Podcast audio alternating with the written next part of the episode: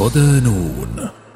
شالداك وحدة كوموندوز تابعة لسلاح الجو الإسرائيلي. مقال لضحى إتكيدك ضمن ملف أجهزة القمع الإسرائيلية. يواجه الشعب الفلسطيني احتلالا غاشما على أرضه جيشا بأجهزة متطورة وأساليب تكنولوجية حديثة. وداخل الأجهزة ثمة أجهزة ووحدات سرية أو علنية تهدف جميعها إلى الإحكام على الإنسان والأرض بالقوة.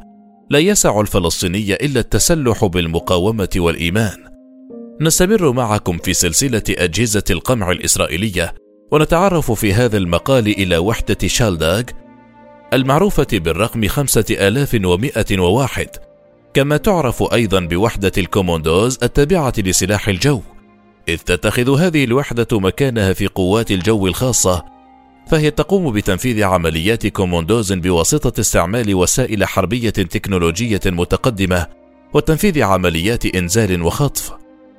التأسيس تأسست هذه الوحدة عام 1974 بقيادة موكي بيتسر في أعقاب هزيمة جيش الاحتلال الإسرائيلي في حرب أكتوبر عام 1973 وفشل وحدة الاستطلاع في هيئة الأركان العامة في أداء مهمتها الحربية والتي لم تستطع مجاراة ميادين القتال.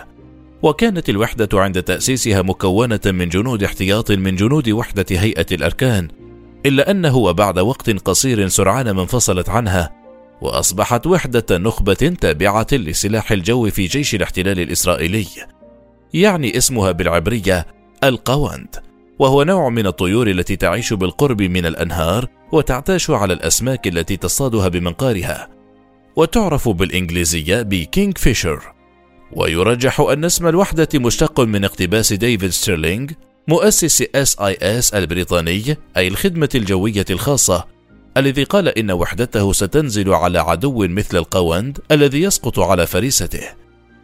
أنشطتها كما أشرنا الوحدة متخصصة في تنفيذ مهام الكوموندوز والاغتيالات، الاستخبارات في العمق، وأيضا مهام تحديد الأهداف المدنية للطائرات العسكرية، لذلك تعد وحدة نخبوية وسرية وغير معروفة للجمهور العام، وبالتالي لا يوجد معلومات بكثرة عنها، إذ يتم حظر المعلومات بشأنها خاصة حول تفاصيل أهدافها ومهامها، ويمكن الإشارة إلى ثلاثة أنشطة أساسية كان لوحدة شالداغ دور أساسي وحاسم فيها.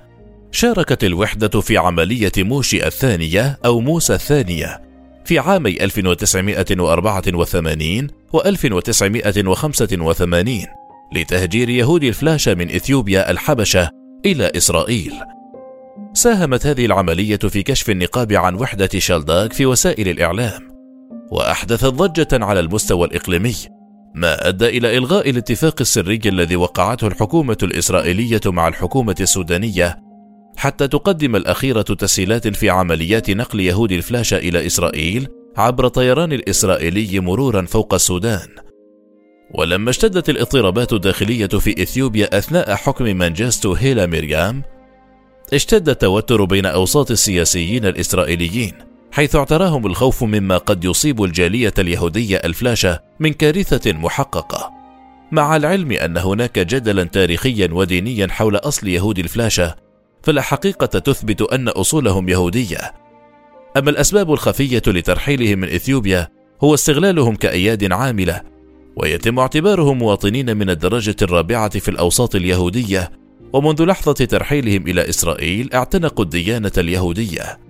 لذلك بادرت حكومة إسحاق شامير إلى التفاوض مع مريم على القيام بعملية واسعة النطاق وسريعة لنقل الفلاشة من أديس أبابا إلى إسرائيل خلال ليلة واحدة.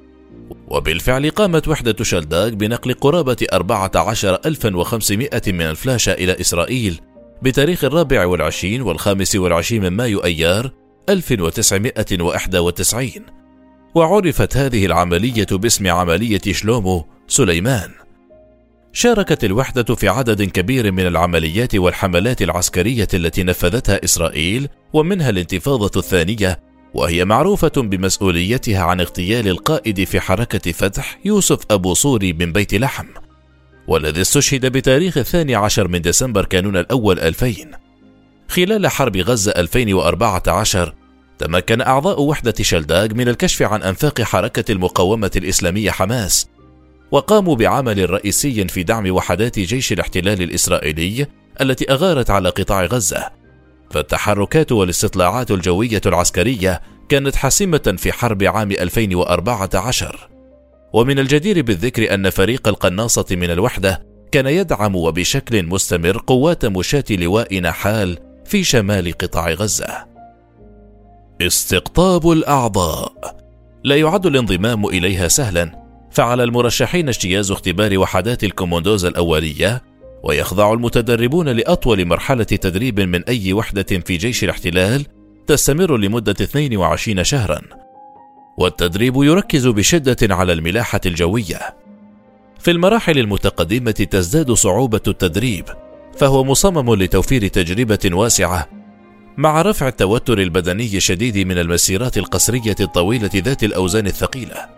أما المراحل التدريبية المرافقة للتدريب الأساسي فهي ستة أشهر من تدريب المشاة الأساسي والمتقدم، ودورة القفز بالمظلات، وتمارين الملاحة في جميع الأحوال الجوية والتضاريس، التعاون جو أرض والعمليات الجوية جمع المعلومات الاستخباراتية والتدرب على الاتصال والاستطلاع.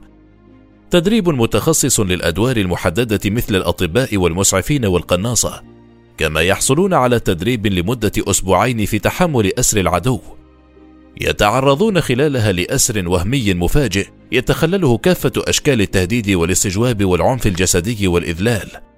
ومن أبرز قيادات هذه الوحدة إليكرون بين 1984 و 1987 وبيني جانت بين 1989 و 1992 وإيال روزنبرغ بين 1996 و 1999 أبرز إخفاقاتها. خلال حرب تموز عام 2006 نفذت الوحدة حوالي 30 عملية من أجل اختطاف أسرى تابعين لحزب الله في جنوب لبنان من أجل مقايضتهم على أسرى الاحتلال الإسرائيلي. وفي إحدى العمليات التي نفذت على مستشفى الحكمة قامت الوحدة باختطاف ثلاثة مدنيين ظنا منهم أن أحدهم هو أمين عام حزب الله حسن نصر الله.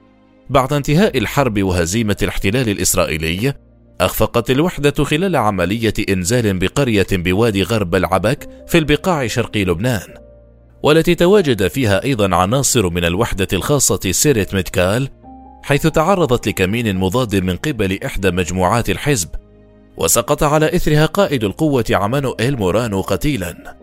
كغيرها من وحدات القمع والإجرام في دولة الاحتلال ورغم تبوئها مكانة متقدمة في سلاح الجو الإسرائيلي. تفشل وحدة شالداك في كثير من أهدافها كما قد تنجح ويبقى مرد الأمر إلى صلابة المقاومة وحسن تدبيرها وتطوير خبراتها في الردع.